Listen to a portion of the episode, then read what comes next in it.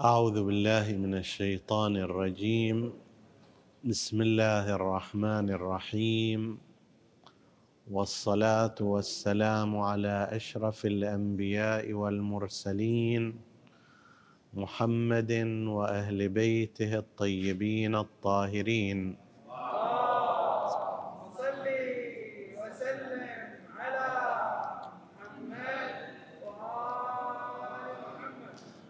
السلام عليكم أيها الإخوة المؤمنون أيتها الأخوات المؤمنات ورحمة الله وبركاته. حديثنا أيضا هذا اليوم يتناول أحد الأمثال التي قد تفسر بنحو خاطئ ويترتب عليها ممارسة وسلوك خاطئ.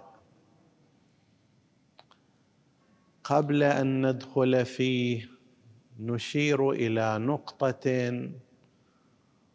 وهي أننا في هذه السلسلة نتعرض إلى أنحاء الفهم الخاطئ للمثل أو القول. فلو فهم إنسان من مثل شيئا صحيحا هذا جيد ولكن لا يرتبط بنا. إنما نحن نعلق ونتحدث ونشير إلى الفهم الخاطئ لذلك المثال. من الأمثلة الخاطئة أو التي تفهم فهما خاطئا عند قسم من الناس القول المشهور اسأل مجرب ولا تسأل طبيب. أو في بعض بلدان. البحر المتوسط والشام اسأل مجرب ولا تسأل حكيم. وعندهم الحكيم يعني الطبيب. يقول رحت إلى الحكيم يعني إلى الطبيب. وهذا المثال ينتهي إلى أن الإنسان عليه أن يرى تجربة غيره ويستفيد منها أولى من أن يستفيد من رأي الطبيب. فيما يرتبط بالأمراض مثلا. فلو أن انسانا جرب العشبة الفلانية لمرض من الأمراض وأعطت نتائج حسنة بسرعة. يقول لك أنه أنا جربت هذا الشيء وحصلت فائدة منه. شفيت وأنت اسأل مجرب ولا تسأل طبيب.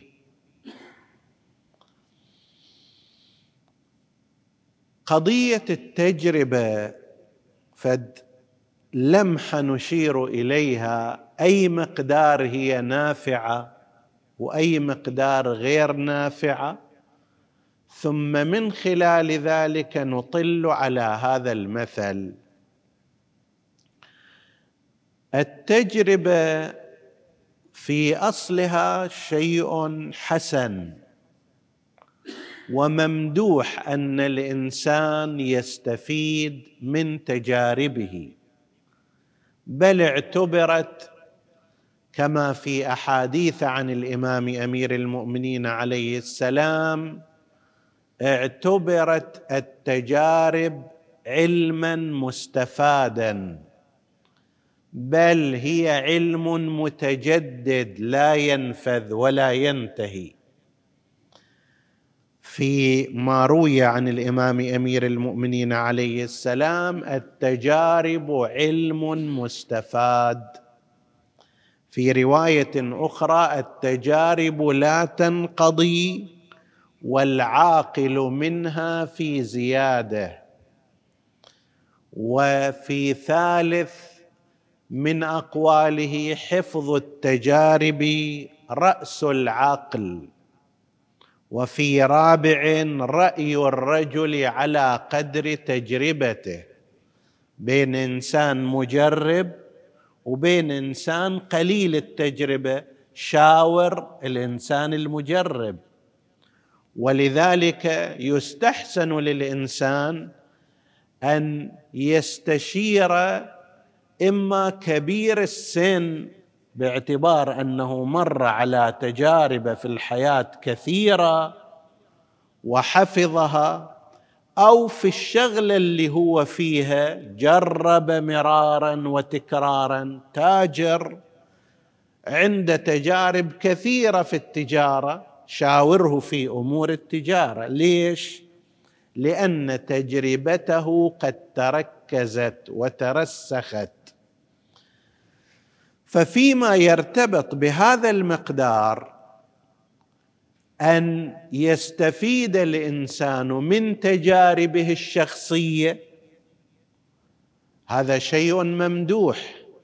أن يستفيد من تجارب غيره أيضا كذلك.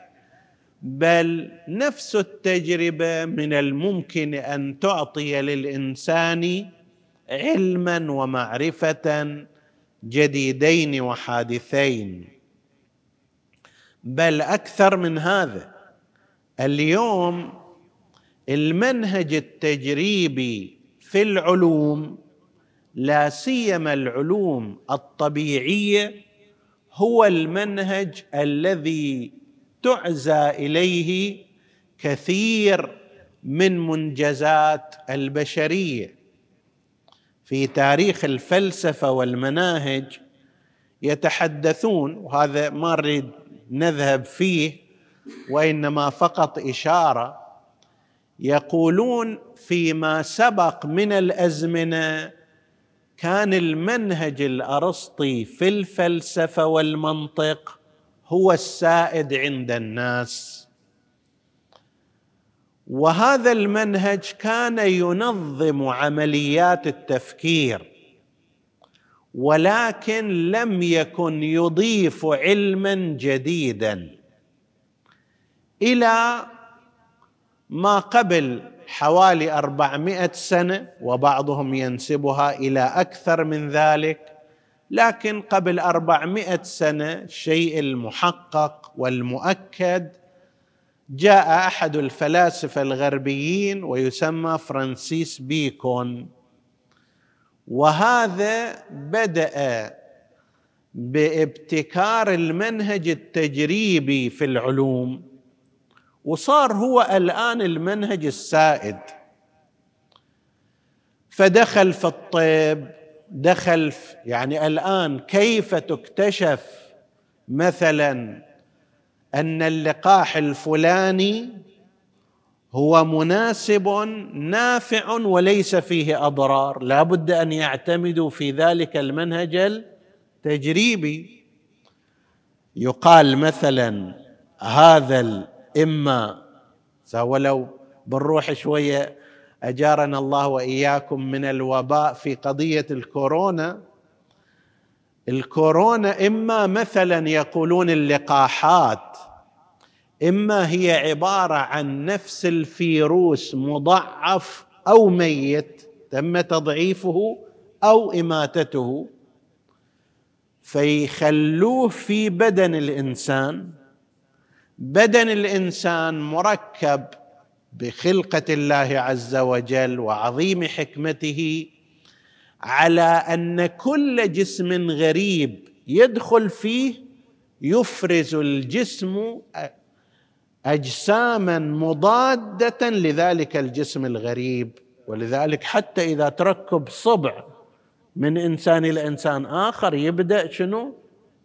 يهاجمه كليه تخليها من شخص إلى شخص يبدأ بمهاجمتها لذلك يضعفون مناعة الإنسان ويثبطونها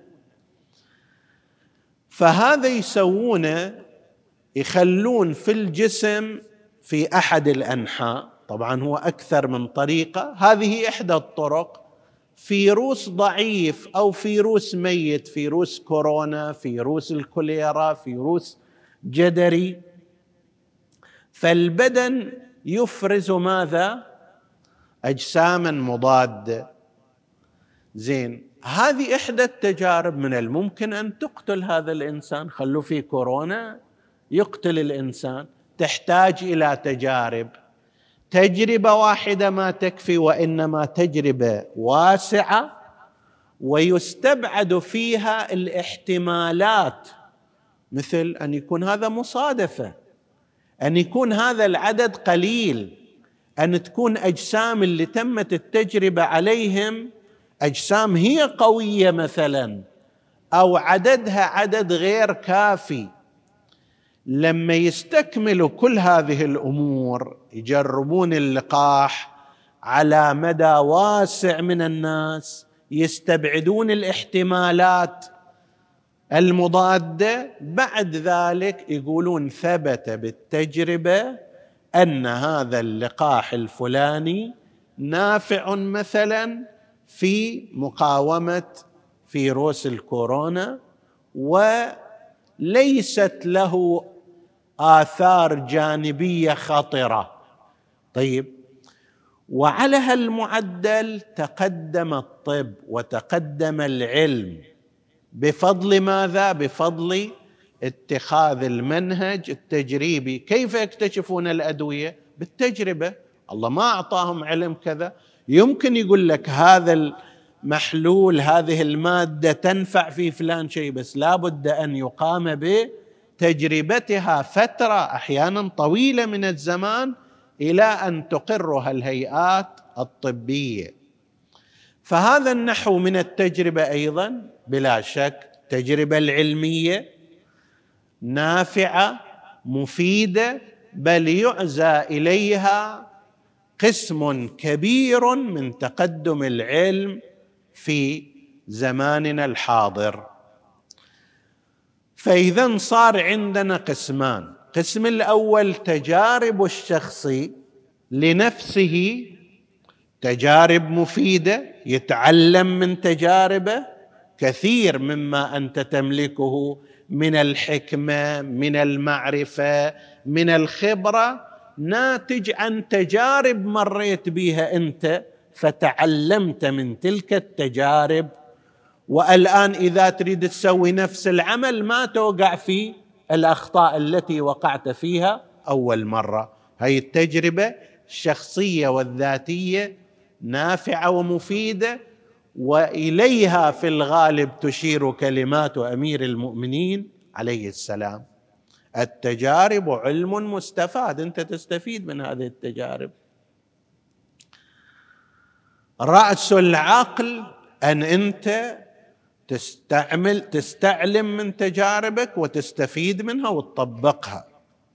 القسم الثاني أيضا اللي التجربة فيه نافعة هي التجربة العلمية التي تعتمد من قبل العلماء المعاصرين يجربون على مدى واسع من الناس إذا كانت لقاحات. طبعا قبلها يجربوها على بعض الحيوانات بعضها على غير ذلك على كائنات حية أخرى بحسب الاستهداف ماله. فهذان قسمان من التجارب لا شك في نفعهما. نجي إلى هذا المثال. اسأل مجرب ولا تسأل طبيب. هذا الكلام إذا كان المقصود منه في الطب في الاقتصاد في الهندسة بل أحيانا حتى فيما يرتبط بالأمور الدينية إذا كان بمعنى إلغاء خبروية الطبيب والاقتصادي والمهندس بل وعالم الدين وأنه لا إحنا نعتمد على إنسان مجرب هذا كلام غير صحيح. ليش؟ نجي إلى اصل المثال. اسأل مجرب ولا تسأل طبيب. كما أشرنا في حلقات سابقة أن هذا الكلام ليس نصا لا آية قرآنية ولا هو أيضا حديث عن المعصومين حتى يكتسب إلى قيمة دينية وإنما هو من خلال صياغة الناس. فيما يرتبط به نفسه اسأل مجرب ولا تسأل طبيب. هذا خطأ. ليش؟ أنا الآن لنفترض إجيت شفت زيد من الناس استعمل العشبة الفلانية أو الدواء الفلاني فنفعته. من يقول أنها تنفعني أنا؟ أنا بدني ليس نسخة فوتوكوبي عن بدنه. عمره قد يكون مختلف. لا مو عمره مختلف. معادلات الداخلية في البدن مالي تختلف عنه لنفترض هو عنده قوة في عضلة القلب وهذا اللي يريد يستخدم ما عنده نفس القوة. ذاك ما عنده دهون زايدة في بدنه أنا قد يكون عندي دهون زائده وهذه كلها مؤثرات. طيب. ما ربما ينفعه ربما نفعه لظرف معين لأن بدنه بشكل خاص أو لفترة من الزمان في الصيف قد ينفع في الشتاء لا ينفع. ينفع لهذا؟ لا ينفع لي. أحد الأصدقاء كان يتحدث عن والده يقول والدي إذا صار عنده مشكلة في عينه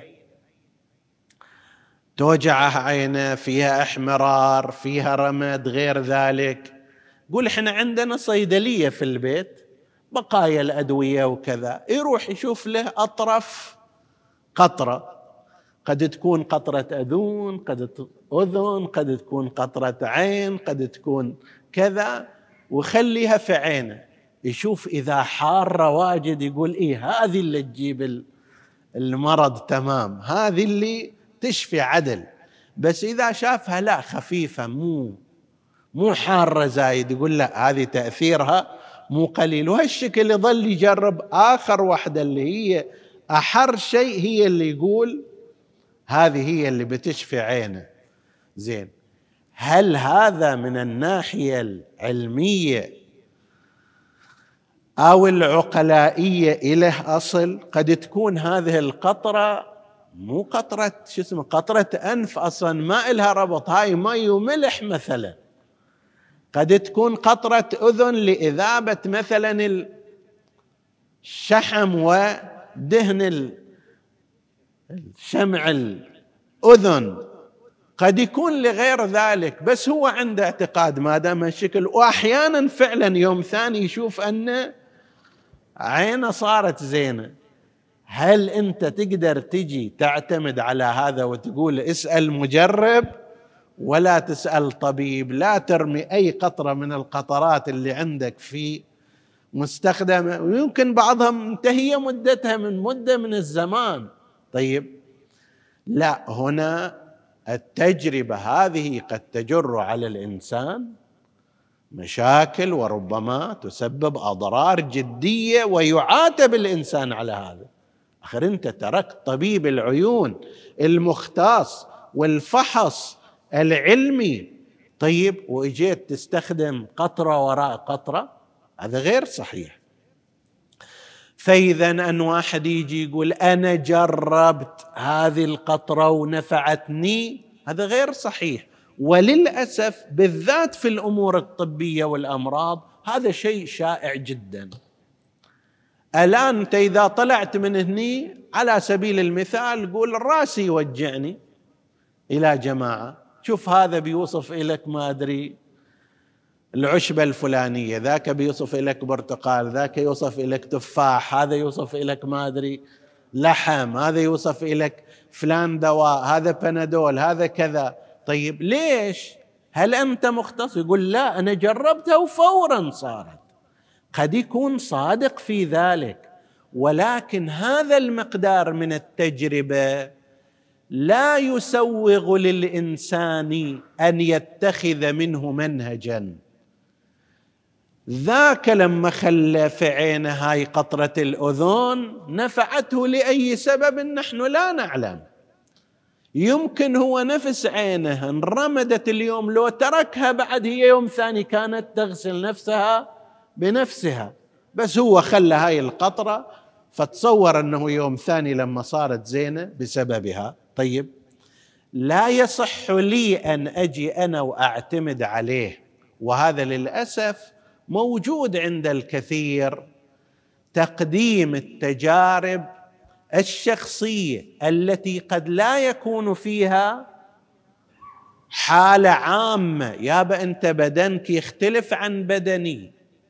حتى الطبيب أحيانا أنت تروح اليه يطلب منك تحليلات معينة فما يصفه إلى الذي قبلك لا يصفه إليك أو لا يصف نفس المقدار يصف لذاك عشرين ويصف لك خمسه مثلا.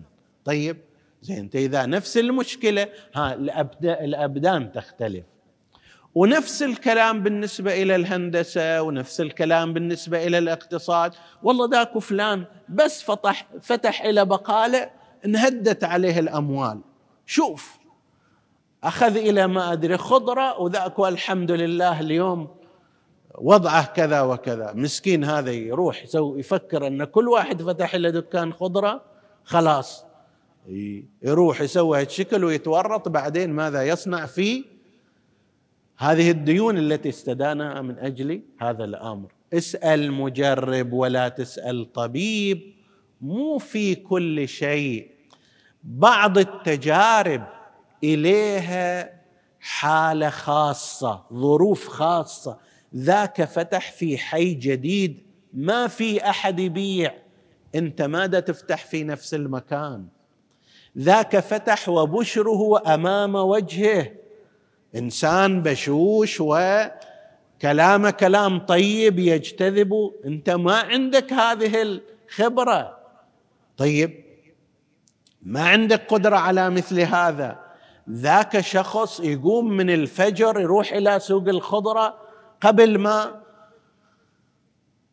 الطير يطير كما يقولون. أنت متعود الساعة سبع ونص وثمان يلا تحرك رجلك على السرير. طيب فهذه ليست هي التي تناسبك أنت. كثير من الأحيان هالمشاكل تصير. هاي مشكلة الأسهم اللي صارت شنو؟ الناس ظلت تجري وتركض. ترى فلان ذا كل يوم اكتتب وباكر حصل كذا وكذا. بعد ستة أشهر سوى كذا وكذا. وجرت الناس وراء هذا. يابا لا تروح وراء هذا الموضوع. لا هالحكي هذا ما يفيد. اسأل مجرب ولا تسأل طبيب. ذاك فلان سوى وعمل وإلى آخره. هذا النحو من التجارب الشخصية لا يصح أن يجعله الإنسان بديلا عن المعرفة العلمية. تريد تشتغل في الأسهم؟ إما أنت أو روح شاور أناس عندهم خبرة اقتصادية ومعرفة مالية بالسوق ذاك لو أخطأ أيضا حجم الخطأ ماله ما يكون عظيم. بل حتى لو أخطأ خطا عظيما لا تلام أنت. ليش؟ لأنه طبيعة الإنسان أن يرجع إلى أهل الخبرة والتخصص. لكن إذا قلت والله فلان جرب وسوى واستفاد وانتفع وأنا جيت وسويت ووقعت من أعلى السلم أنت ملام في هذه. لو سألت مختصا عارفا سواء نجحت أو لم تنجح لست ملاما. لست معاتبا. هذه طبيعة الحياة الصحيحة. لو الطبيب أيضا أخطأ في حقك أنت لست ملاما ولست معاتبا. ولكن لو قلت والله فلان قال لي هالشكل اشرب هذا الدواء الكذائي ما خلى شيء على قولهم في المطبخ إلا خلطه في ذاك. ويوم ثاني ما حصلت فائدة بالعكس صار عندي مشكلة في القولون واضطراب في المعدة وكذا. أنت معاتب في هذه الحالة؟ فاسأل مجرب ولا تسأل طبيب ليس صحيحا بل حتى ما يرتبط بالأمور الدينية. الناس يسألون يقولون نبغى نشوف شيء مجرب مجربات الإمامية. هذا إذا تسويه يعني باكر تحصل كذا. أبغى دعاء مجرب يوم ثاني أحصل فيه أموال. أبغى ما أدري صلاة اللي إذا سويتها وأنا مثلا ما متزوجة بعدها بأسبوع يصير.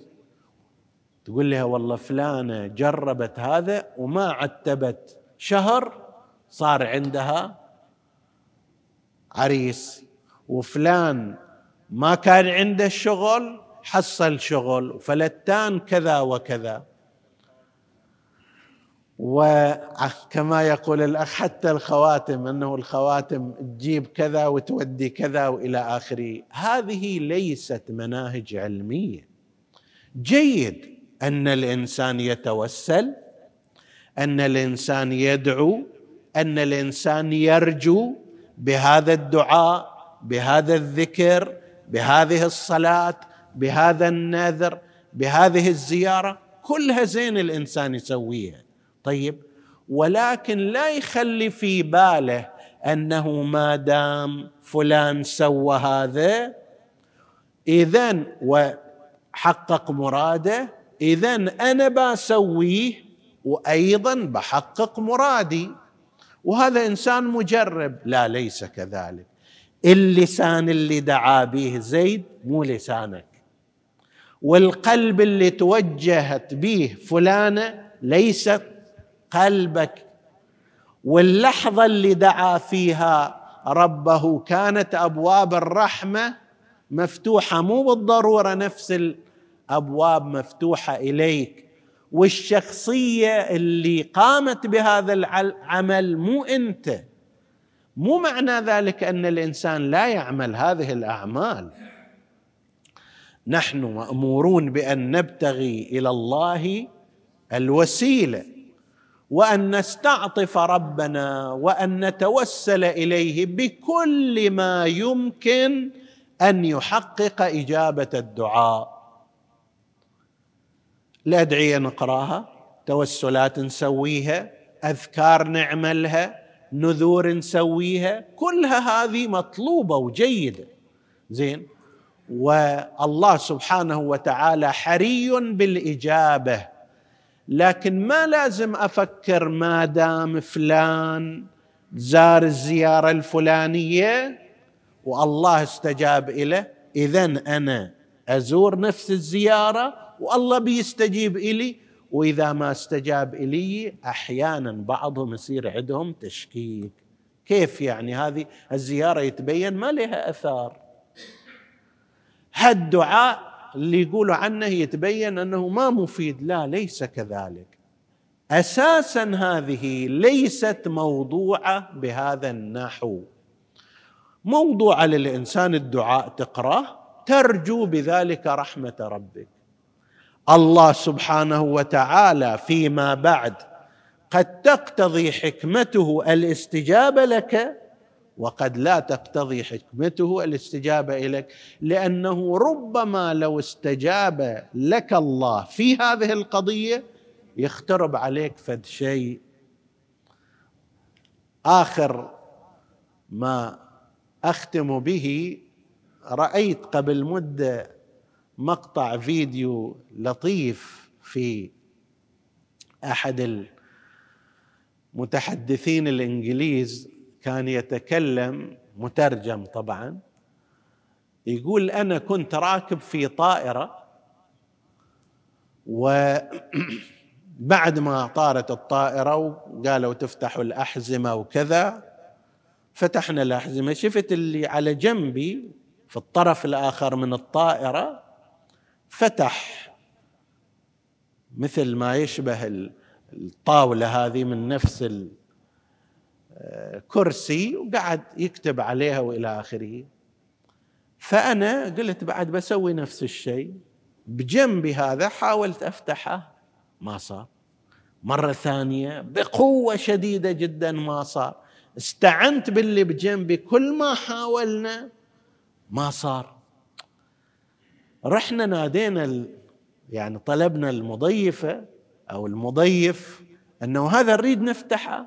فجأة هذا مرعوب قال لا هذا باب طوارئ لو فتحتوه كان الطائرة طاحت. طيب. زين. قد يكون لذاك الطرف. هذا طاولة يكتب عليها ولكن نفس هذا المكان إلى الطرف الثاني شنو؟ باب طوارئ يطيح الطائرة. بالنسبة إلينا أيضا قد يكون الله سبحانه وتعالى إذا أفاض علي من النعم أفرط خلاص. وين تدور هذا وصلاته ودينه وإيمانه وزوجته وأهله وكذا؟ اخترب بعد خلاص. بينما قد يكون اللي بجنبه قاعد لو الله أعطاه ما أعطى ما يتغير. فالله بحكمته يعطي هذا وبحكمته يمنع هذا حتى لو هذا اللي منعه يجي يجرب نفس الأشياء اللي جربها ذاك. الله بالحكمة ما يعطيه. يا ذاك صلى وزار وتقرب وتوسل وراح الحج وراح الزيارة وراح العمرة. طيب وسوى هالاعمال والأذكار كلها سواها وأنا بعد سويتها. ها بقي هناك حكمة الله تقتضي أن يعطي ذاك وهي نفسها تقتضي لمصلحتك أن يمنعك. فسالفة أن الإنسان إذا جرب إذا رأى شخصا جرب تجربة وصارت لازم تصير اله أيضا حتى في الأمور الدينية ليس كذلك. وإن كان ينبغي للإنسان أن يتوسل ويتقرب إلى الله بما يستطيع لكن ليس بالضرورة. لذلك أنا يعني أشوف بعض الأحيان عندما مثلي وأمثالي يقول هذا الدعاء إذا إذا تقرأه خلاص يوجبك ما في مجال. هالزيارة إذا تقرأها خلاص انتهى الأمر امسك حاجتك. لا ليس الأمر كذلك. ليس الأمر كذلك لا لأن الزيارة لا تؤثر ولا لأن الصلاة غير مفيدة ولا لأن الله بخيل عليك وإنما لأنه حكيم فلا يعطي إلا بمقدار. نسأل الله سبحانه وتعالى أن يكتب لنا وإياكم خير الدنيا والآخرة وأن يجنبنا وإياكم شر الدنيا والآخرة إنه على كل شيء قدير. وصلى الله على سيدنا محمد وآله الطاهرين.